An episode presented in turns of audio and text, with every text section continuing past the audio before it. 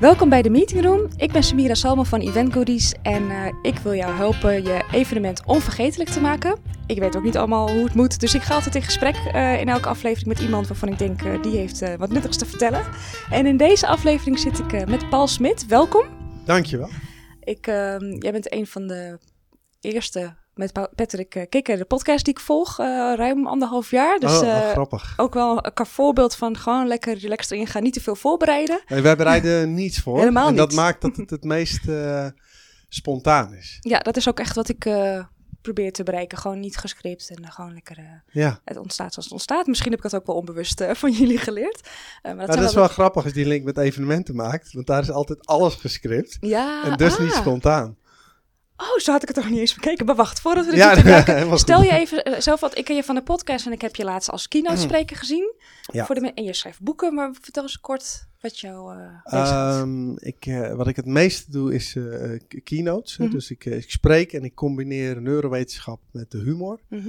En ik leid andere sprekers ook op om hetzelfde te doen als ik. Ah. Dus dat zijn dingen waar ik het meeste mee bezig ga. Heb ik toch nog iets nieuws gehoord?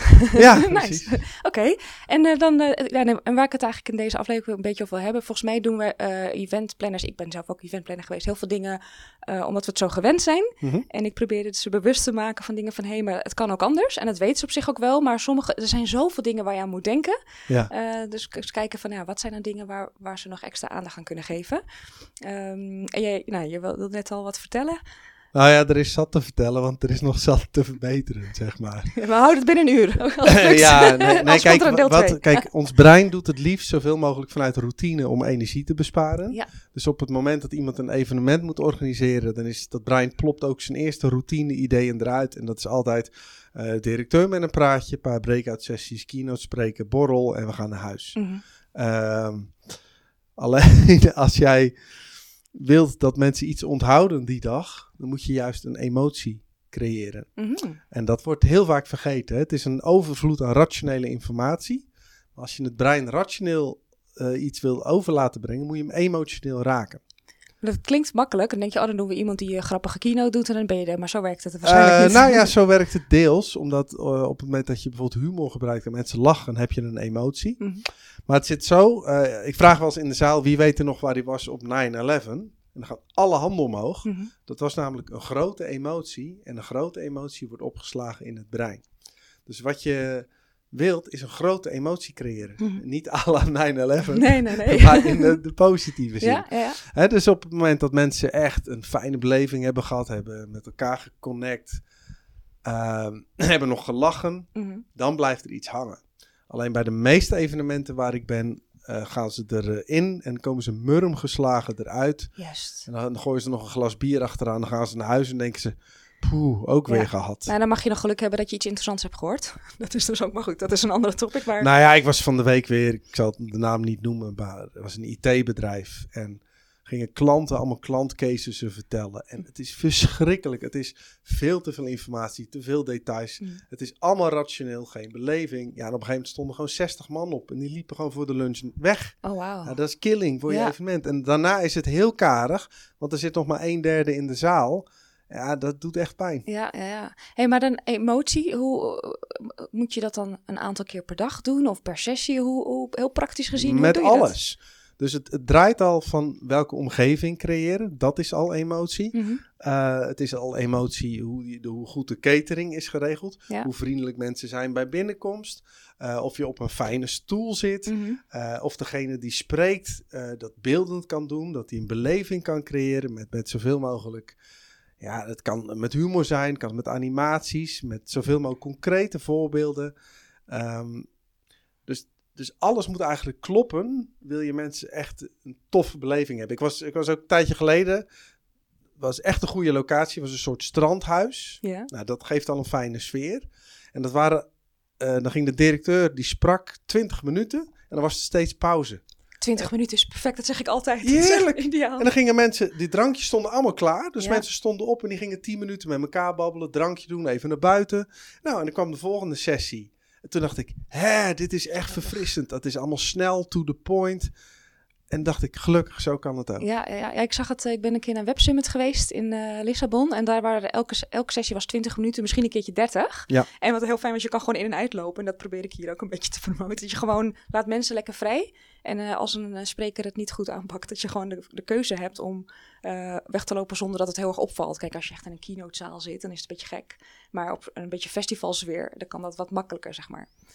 Eh, ja, al vind ik het eh, belangrijk dat mensen wel in theateropstelling voor je zitten. Mhm. Omdat het brein dan het meest gefocust is en ook het snelst gaat lachen. Hmm. Dus- maar is dus- natuurlijk bij jouw sessie, kan ik me dat voor bij keynotes Ja, misschien. maar als je dit, dan dan ga je de meeste eh, speeches lopen, je loopt iedereen dan weg. Want het is echt heel slecht wat ik voor me zie. Hmm. Er zijn ik, ik heb- Ik heb, uitzonderingen, laatst op een, midden op een beursvloer gesproken. Dat, ik dacht echt, dat gaat nooit. Dat, dat is heel raar, want dan. Ik vind het al spannend. Het moest voor het eerst in het Engels. Ja. Ik denk dat mensen kunnen spontaan komen aanlopen. En dat is leuk. Mensen kunnen spontaan weglopen. Wat doet dat met mij? Eh, maar dat ging gelukkig. De akoestiek was heel goed. Dus Oh, het, ja. het, het was niet hysterisch, gelukkig. De, de beurs op zichzelf niet. Ja, Eh, want ik ben daar ook heel gevoelig voor. Ik denk, oh, dat is veel te ingewikkeld. Maar dat ging gelukkig best wel goed. oh fijn. Ja, fijn. maar goed, jij wil ze graag in theater opstaan. Ik kan me wel voorstellen, want ik ben ook snel afgeleid en luister je gewoon goed. Nou ja, kijk, zo'n theater is niet voor niks eh, eeuwen geleden in die vorm gebouwd. Omdat Mhm. ze er toen al achter kwamen dat dat het, het brein het meest gefocust houdt. Ja. En de kunst is dat de mensen die in de zaal zitten, die moeten zichzelf vergeten. Wat inhoudt, eh, je, je zelfbewustzijn in het brein gaat uit. Dus Mhm. in het begin denk je nog van, oh, ik zit in een zaaltje en wat vind ik hiervan en wat vindt mijn buurman en buurvrouw. En op een gegeven moment, als je in flow komt, als je helemaal opgaat in de voorstelling, dan gaat dat zelfbewustzijn uit. En dan zie je, dan ontstaat een verbinding, mensen gaan hardop lachen. Eh, dus dat wil je creëren. Mhm. En, maar dan moet de setting moet wel kloppen. Ja, weet je wat ik me nu besef? Dat, Mhm. ik, dat ik zo enthousiast was over zo'n websummit, omdat dat eh, een soort, hoe zeg je dat? Een alternatief is voor slecht, als het gewoon slecht geregeld is. Dat is dan is het voor mij als bezoeker fijn van, nou, als het slecht geregeld is, kan ik lekker weg. Eh, Ja, nee, en dan kan ik naar de volgende. helemaal waar. Maar dan kan het beter goed geregeld Ja, je zijn. hebt gelijk. Nou, goed punt. Zie je, zo leer Ja, ik ook. ja, Zo leuk. precies. Hey, en ik, ik zei het net eh, eh, voordat de podcast startte ook al, dat ik, dat ik jou ehm, in, in jouw podcast wel eens dingen hoor vertellen. Van als, als spreker kom je wel eens dingen en je, eh, nou, dan zie je dingen waar je aan stoort. Wat zijn, kun jij een soort van top drie verzinnen van, nou, dit zijn echt dingen die ik heel vaak zie gebeuren, wat echt anders kan. Het draaiboek klopt nooit. Hè? Dus, dus als het evenement om negen uur begint, nou, maak daar half tien van. Ja. Want ik hoor iedere dag, ja, ja, we beginnen iets later. En wat ze dan niet doen, is niet het programma inkorten. Nee, alles wordt uitgestretched. En dan, ik vind als dagvoorzitter, regel jij dat iemand geen minuten lang spreekt. Mhm. Desnoods zet je een klok neer die aftikt. Ze laten laatst ook bij een theater, vond ik te gek, ging er een, een confetti-kanon knalden als je tijd erop zat. Dan is het ook nog Ja, grappig. ja, precies. Ja? En ik heb zoiets, als jij, als degene die spreekt, niet eh, je punt kunt maken in bijvoorbeeld 20 minuten, dan begrijp je het nog niet goed genoeg. Mhm. Eh, dat is, heb ik van Einstein eh, gestolen, maar die Ja. zei dat en dat klopt. Ja. Plus, ik zeg altijd, als ik eh, soms eh, help ik eh, CEO's en zo even met hun speech, dan zeg ik les 1, mensen gaan alles vergeten wat je zegt. Ze onthouden alleen de emotie die je hebt gebracht. Dus creëer iets waarvan ze denken, oh, wat, dat was een sympathieke man, dat was een mooie boodschap en ik heb er zin in. Mhm. En, en er zijn mensen die dat kunnen. ja, van nature meestal. Ja, maar ook mensen die gewoon een paar theaterwetten snappen. Hmm. Dus ik, ik heb een heel concreet voorbeeld. Dan hoor ik zo'n directielid zeggen: Ja, integriteit. Het gaat om integriteit. En, en dan, dan iedereen denkt: Ja, het zal wel. Maar nu was de laatste man. Die zei: Ja, dat is een van onze kernwaarden. En die vertelde een heel verhaal over dat hij voor hun bedrijf naar Parijs moest. En dat hij werd opgehaald in een limousine. En dan werd hij naar een chic hotel gebracht. En daarna naar een nachtclub. En hij kreeg onbeperkt drank. Nou, en toen eh, kwamen de zakenlieden erbij. En toen, ja, toen kreeg hij steekpenningen van als je dit aanneemt, dan eh, krijg je de klus. Maar dan moet je wel dit en dat doen. Dat was gewoon niet integer. Mhm. En hij zei, ja, ik ben dus snel uit die club gegaan, mijn jas gepakt, in de taxi. En ik ben zo snel mogelijk eh, naar huis gegaan. Door zo'n verhaal te vertellen gebeuren er twee dingen. Mhm. Ten eerste heb jij, terwijl ik dit zei, een limousine gevisualiseerd. En Mhm. een nachtclub en drankjes. Dus, dus het, eh, het deel wat beleving creëert in het brein, en dat wordt getriggerd. Mhm. Plus je hebt een concreet voorbeeld gegeven wat integriteit inhoudt. Ja. Dus vanaf dat moment wist iedereen in de zaal, dit is wat hij bedoelt. En iedereen was gefocust aan het eh, luisteren. Mhm. Dus toen dacht ik, dit is wat werkt. Dat is ook wat ze vaak zeggen, ook met TEDx, begin uh, je verhaal gelijk met een, met een pakkend verhaal.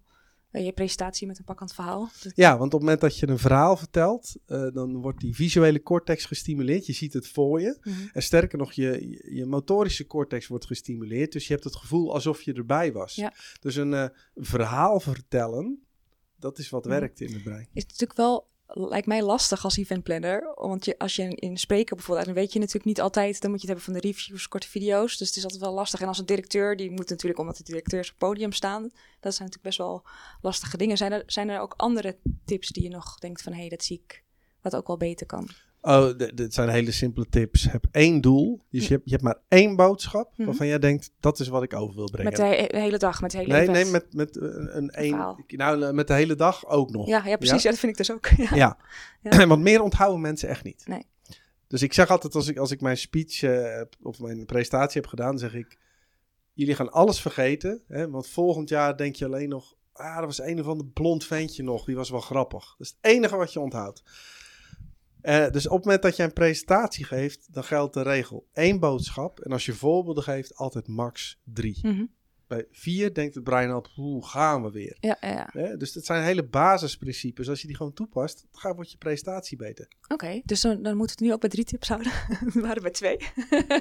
Eh, ja, Grapje. dat is, dat is al zat. Dat is al zat. De- dus dat heeft echt een meerwaarde op die manier. Ja, en wat zou, als jij hè, denkt aan eventplanners en aan alle events die je hebt gezien, wat zou, wat zou jij...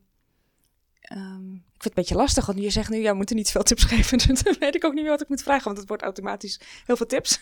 Er wordt heel veel tips. En mensen, iedereen pakt er één of twee uit. Want Ja. meer- de rest vergeet je. Maar dat Ja. is niet erg. Maar dat is ook goed, want ik denk dat sommige mensen eh, de ene tip wel al toepassen en Dat kennen en de andere niet. Dus oké, we gaan lekker door. Ja, ja hoor. Ehm, een andere vraag dan. Het gaat een beetje alle kanten op, maakt niet Mhm. uit. Ehm, jij zei ehm, in jouw presentatie, eh, ook dat heb ik me herinnerd, eh, dat als je mensen wil laten veranderen, het ging over innovatie. Ik Ja. probeer eigenlijk ook te innoveren eh, in events. Ik wil mensen laten zien dat dingen anders kunnen. Ehm, en er waren twee dingen. Het was of angst. En ik ben dat toch die twee Nee, het is, het is, pijn. waarom verandert het brein? Waarom is er een gedragsverandering?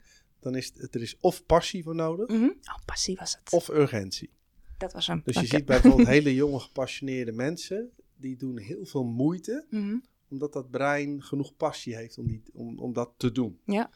Dus passie is het belangrijkst. En wanneer veranderen we ook? Als er urgentie is. Mhm. Dus stel je hebt een event georganiseerd wat een eh, een 5,3 scoort. Dan is het dus een urgentie om Ja. het beter te gaan doen. Ja, dat, dat is wel een dingetje waar ik dus tegenaan loop. Ehm, en ik denk ook andere eventplanners, want ehm, ik vertel ze dan van, hé, je kan van een 6 een 9 maken, of hij kan het beter doen, je kan de gasten nog blijer maken, veel beter de boodschap overbrengen, veel leukere dag geven, maak het een dag korter, het hoeft niet van 8 uur 's ochtends tot 6 uur. Eh, en dan met een borrel en twee biertjes op eh, weer een uur naar huis rijden en met honger thuiskomen. Ja, Ehm, ik, ik denk dat er best wel veel eventplanners die me volgen denken, ja, dat ben ik het mee eens, maar ik krijg het niet voor elkaar om intern of mijn opdrachtgever of mijn manager eh, dit te laten inzien. En wa- waar, wat voor tips heb je voor deze mensen? En voor mij stiekem. nou, er zijn natuurlijk allerlei eh, principes van beïnvloeding. zijn de twaalf. Ik zal ze niet alle twaalf noemen. Maar wat heel goed helpt is bijvoorbeeld eh, sociale druk. Mhm. Dus als jij laat zien. Kijk, bij dit event hebben ze dat gedaan. En die heeft een 8,4 gescoord. En dit waren de ingrediënten die zij deden. Mhm. En zeker als dat event een vergelijkbaar event is met die van jou, werkt het nog sterker. Ja. Dus, dus de best practices van anderen gaan opnoemen, drijft mensen er wel toe om het ook te gaan volgen. Mhm. Ja. Dus met hele concrete voorbeelden komen werkt. ja, precies. En ook, eh, dat dacht ik zelf ook al van, ja, dat, zorg dat je een van de eerste bent die, eh, hè, dat, dat helpt ook vaak gewoon als je een van de eerste veranderen, vernieuwen, verbeteren. Ja, maar er zijn dus, ik ken er zeven, van Cal- Caldini, Cialdini? Cal- Ja, die heeft er zes. Oh, zes Of zelfs. Die, C- die zevende vind ik niet ijzersterk van hem. Maar ehm, er zijn er meer, zeg maar. Er zijn er, eh, ja, ik kan er zo 15 opnoemen. Ja, maar ja. ik- meestal hou ik het Schaarste. bij 12. Je hebt Dus dat gebruik je vaak bij ticketverkoop natuurlijk. Ja. Ja, en een commitment en, en eh, sociale druk. eh werkt natuurlijk je omgeving aanpassen is een hele sterke Mhm. autoriteit. Nou, noem ze maar op. Ja, ja. Oké. En ehm, eh, ook voordat we net starten met de podcast hadden we het nog heel eventjes over de, eh, het evenement waar ik jou zag spreken. En Mhm. dat is een, ehm, eh, was in een locatie, ehm, de woonfabriek, als ik het goed zeg. Een locatie met allemaal meubels en het lijkt alsof je gewoon in een soort woonboulevard bent. Misschien was dat het ook. En die kun je dus ook afhuren voor events. En jij zei dat is eigenlijk al een hele mooie manier, even terug weer naar emotie, om de emotie te prikkelen. En waarom Ja. is dat dan? Omdat het anders is? Of? Om twee redenen. Omdat als het eh, anders is dan anders, heb je dus een grotere emotie en dan onthoudt het brein het. Mhm. Maar ten tweede is eh, de omgeving doet enorm veel met hoe wij iets beleven. Mhm. Dus ik had bijvoorbeeld, eh, ik ging met mijn boekingsmanager langs vier boekingsbureaus vorige week. En bij het eerste boekingsbureau zaten we in een prachtige ruimte met oude boekenkasten. En dat was echt luxe stoelen. En dan merk je dat zo'n gesprek, ja, die man die staat al 4-0 voor, hè, Mhm. die, die, die, die, eh, van dat bedrijf. En wat wij denken, zo, die heeft het goed voor elkaar. En dan zit je bij een ander sprekersbureau in een soort industrieel hokje op klapstoeltjes Ja.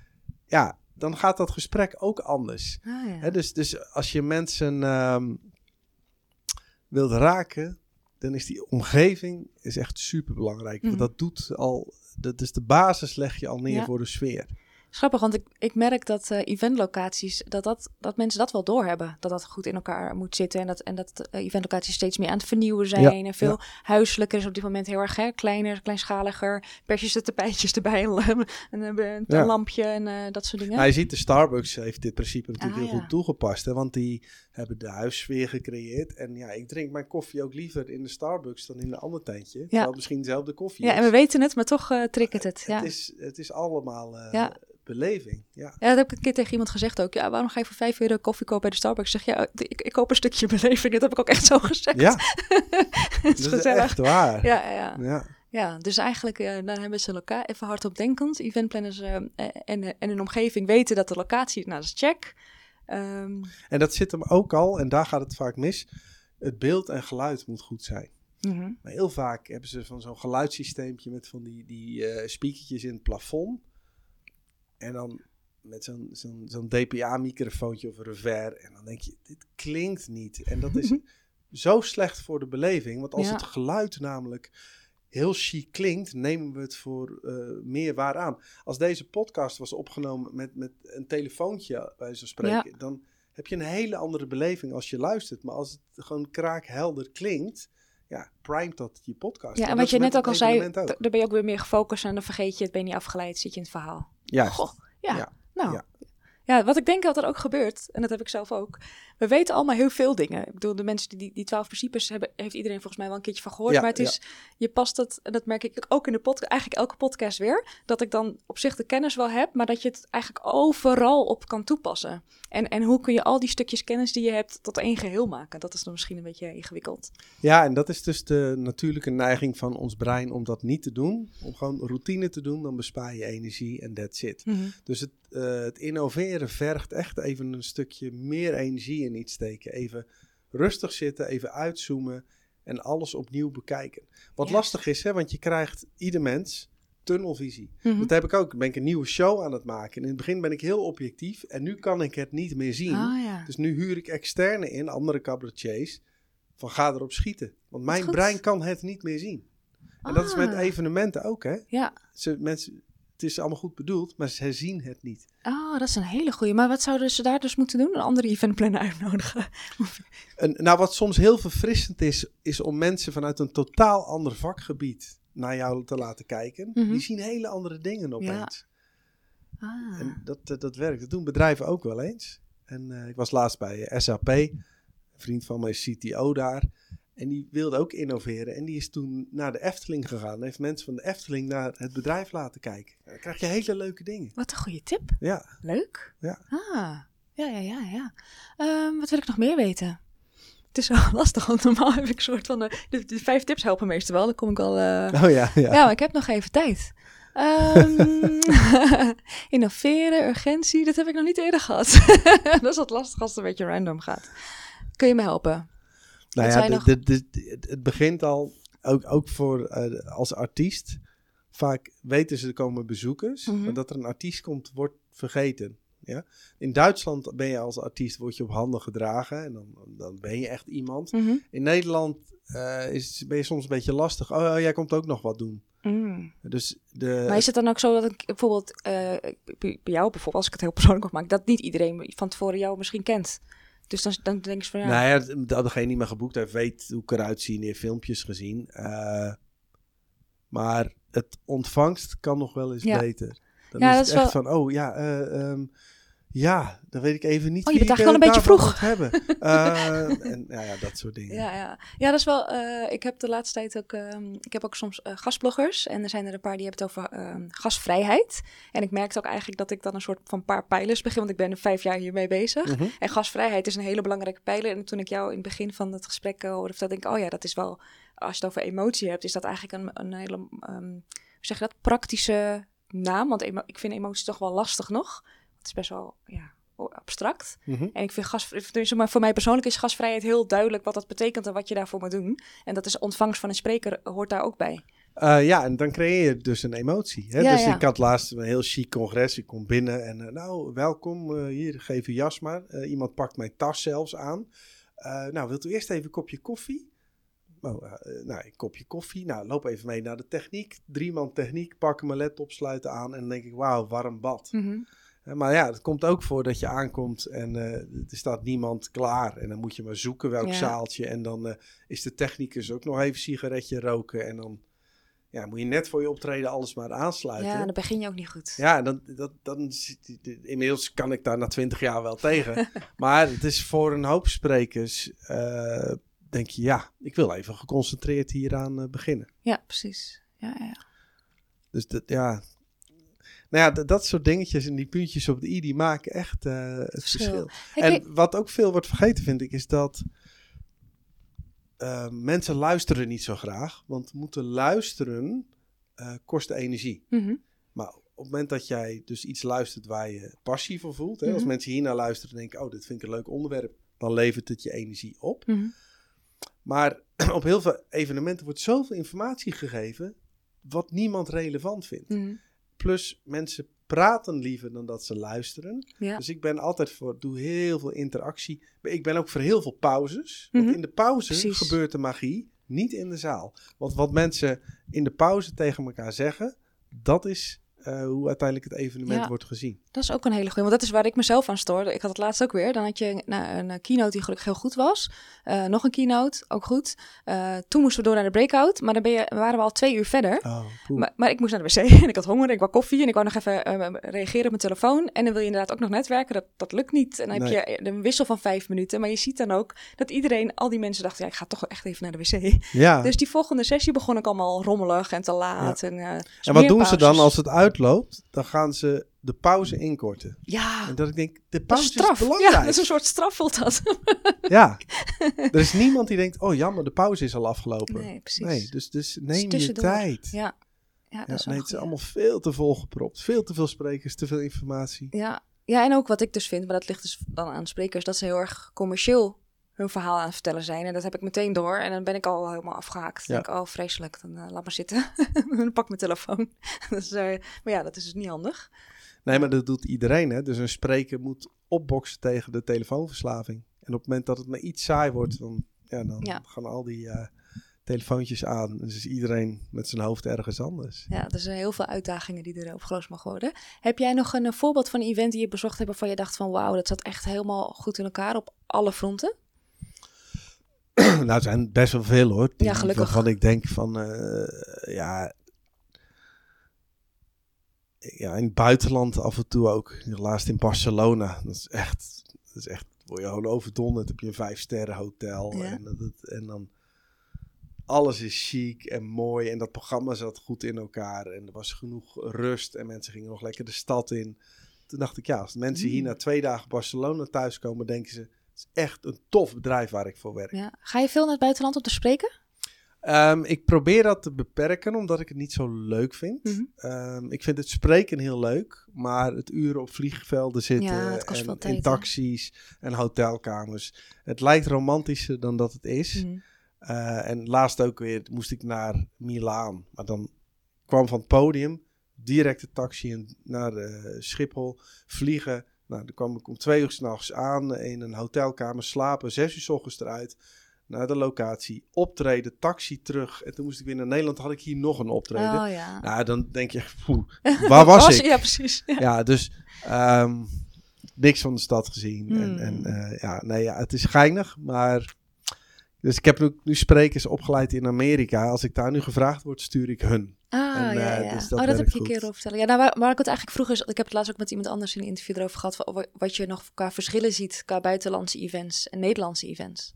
Want ik dacht in het begin, toen ik eh, de, de eventbranche als, hoe zeg je dat, als branche koos waar ik wat mee wou doen, dacht ik, ja, want die zijn lekker creatief en innoverend, maar dat valt soms nog tegen. Maar hoe zie jij de verschillen? Ehm, wat ik in het buitenland zie, vind ik ook niet heel Nee. innovatief.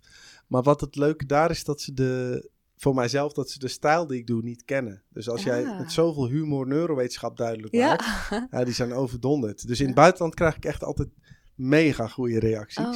En in Nederland zijn ze toch de stijl ietsjes meer gewend al. Ja. Dus, dus in dat opzicht vind ik het buitenland wel heel... eh, En qua ontvangst word je daar wel wat meer... eh, Nou, zeker als je, als je daar komt. Want ook- oh, je komt helemaal uit Nederland. ja, ja. Ja, nee, dat is altijd wel. eh, ja, daar heb ik echt geen klagen over. Ja. Daar, toen in Milaan, dat was echt buitengewoon goed. Oké, oké. Ja. En heb jij nog, ik weet niet of je het weet, want je zit misschien wat minder bewust met de events eh, bezig. Eh, heb je een idee over de toekomst van eh, evenementen? Nou, ik vraag me af of de nieuwe generatie het nog pikt. Hmm. Dus je zet mensen in een zaaltje en die moeten dan gaan luisteren. Als ik zie de snelheid waarmee informatie tegenwoordig wordt gedeeld, dan is zo'n evenement echt wel heel erg oudbollig. Mhm. Ehm, en dan proberen ze natuurlijk met allemaal trucjes en Mentimeter dat een beetje op te leuken. Maar ik ehm, denk dat in de toekomst die, die 20 minuten eh, steeds meer gehandhaafd gaat worden. Je hebt 20 minuten tijd en als je je boodschap daarin niet kwijt komt, snap je het niet goed genoeg. Mhm.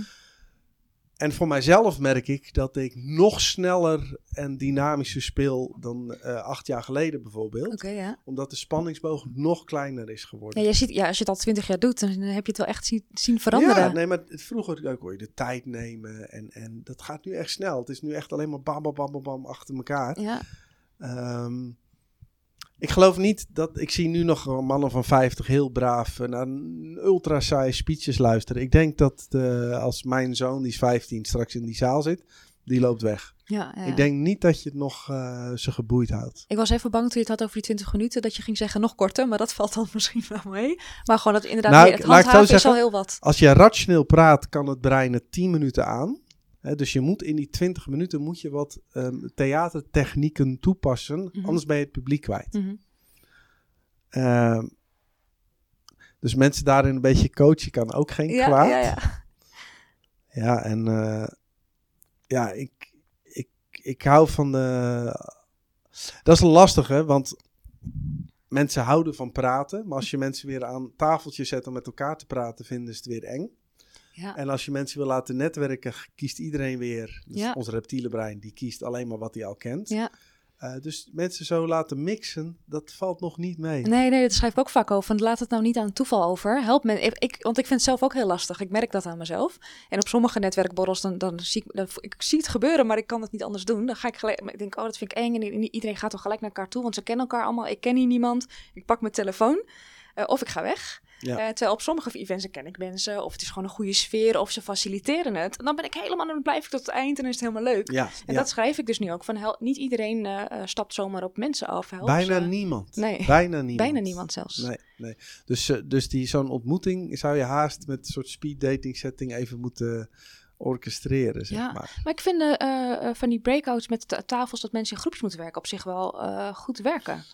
Zeker, omdat je ze dan op een veilige manier met elkaar kennis laat maken. Een opdrachtje en, en een geeft. opdrachtje geeft. En dan eh, gaan ze samen daaraan. En dan, ja, je merkt ook, ik heb heel veel van die ronde tafelsessies gedaan. Die worden goed beoordeeld. Want Mhm. dan hebben mensen zelf mogen praten. En eh, niet dat daarna de wereld gaat veranderen. Hè, want zo werkt het Nee. brein niet. Maar ze hebben in ieder geval eh, een goede beleving gehad. Ja, nou, het is wel wat interessant. Ik vind het wel wat interessanter om met elkaar over een onderwerp te praten dan nog eens een half uur dat te horen van een spreker.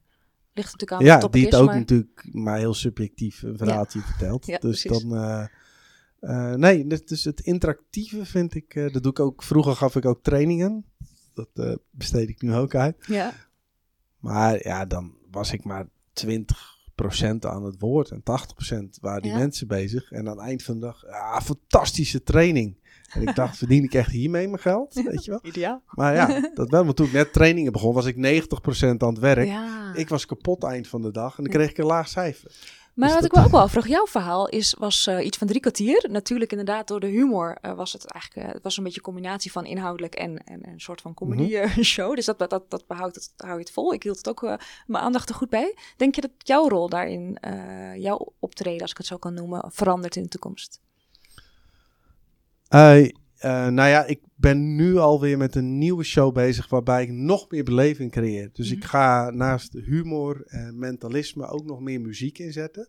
Dus ik kom nu ook nog met gitaar. Ik ga ook nog artiesten nadoen. Ik heb twee violisten erbij.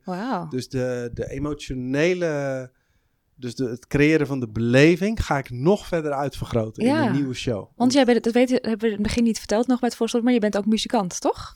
Eh, ja, en dat, dat doe ik nu soms in de presentatie. Maar ik, ik, eh, ik kom er gewoon achter, als ik al iets met muziek doe, dat publiek reageert gelijk. Ja, Dus ja. ik dat weer mooi mix met alles wat ik al doe qua stijl.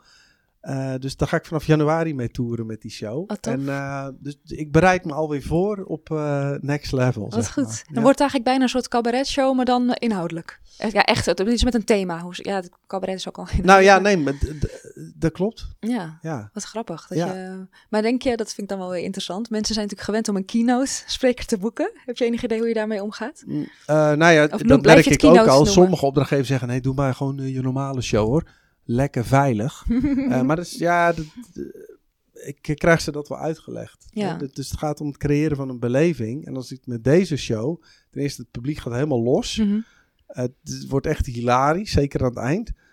Dan blijft die boodschap ook veel beter hangen die ik Ja. vertel. En, eh, maar goed, er zijn ook eh, laatst ook weer.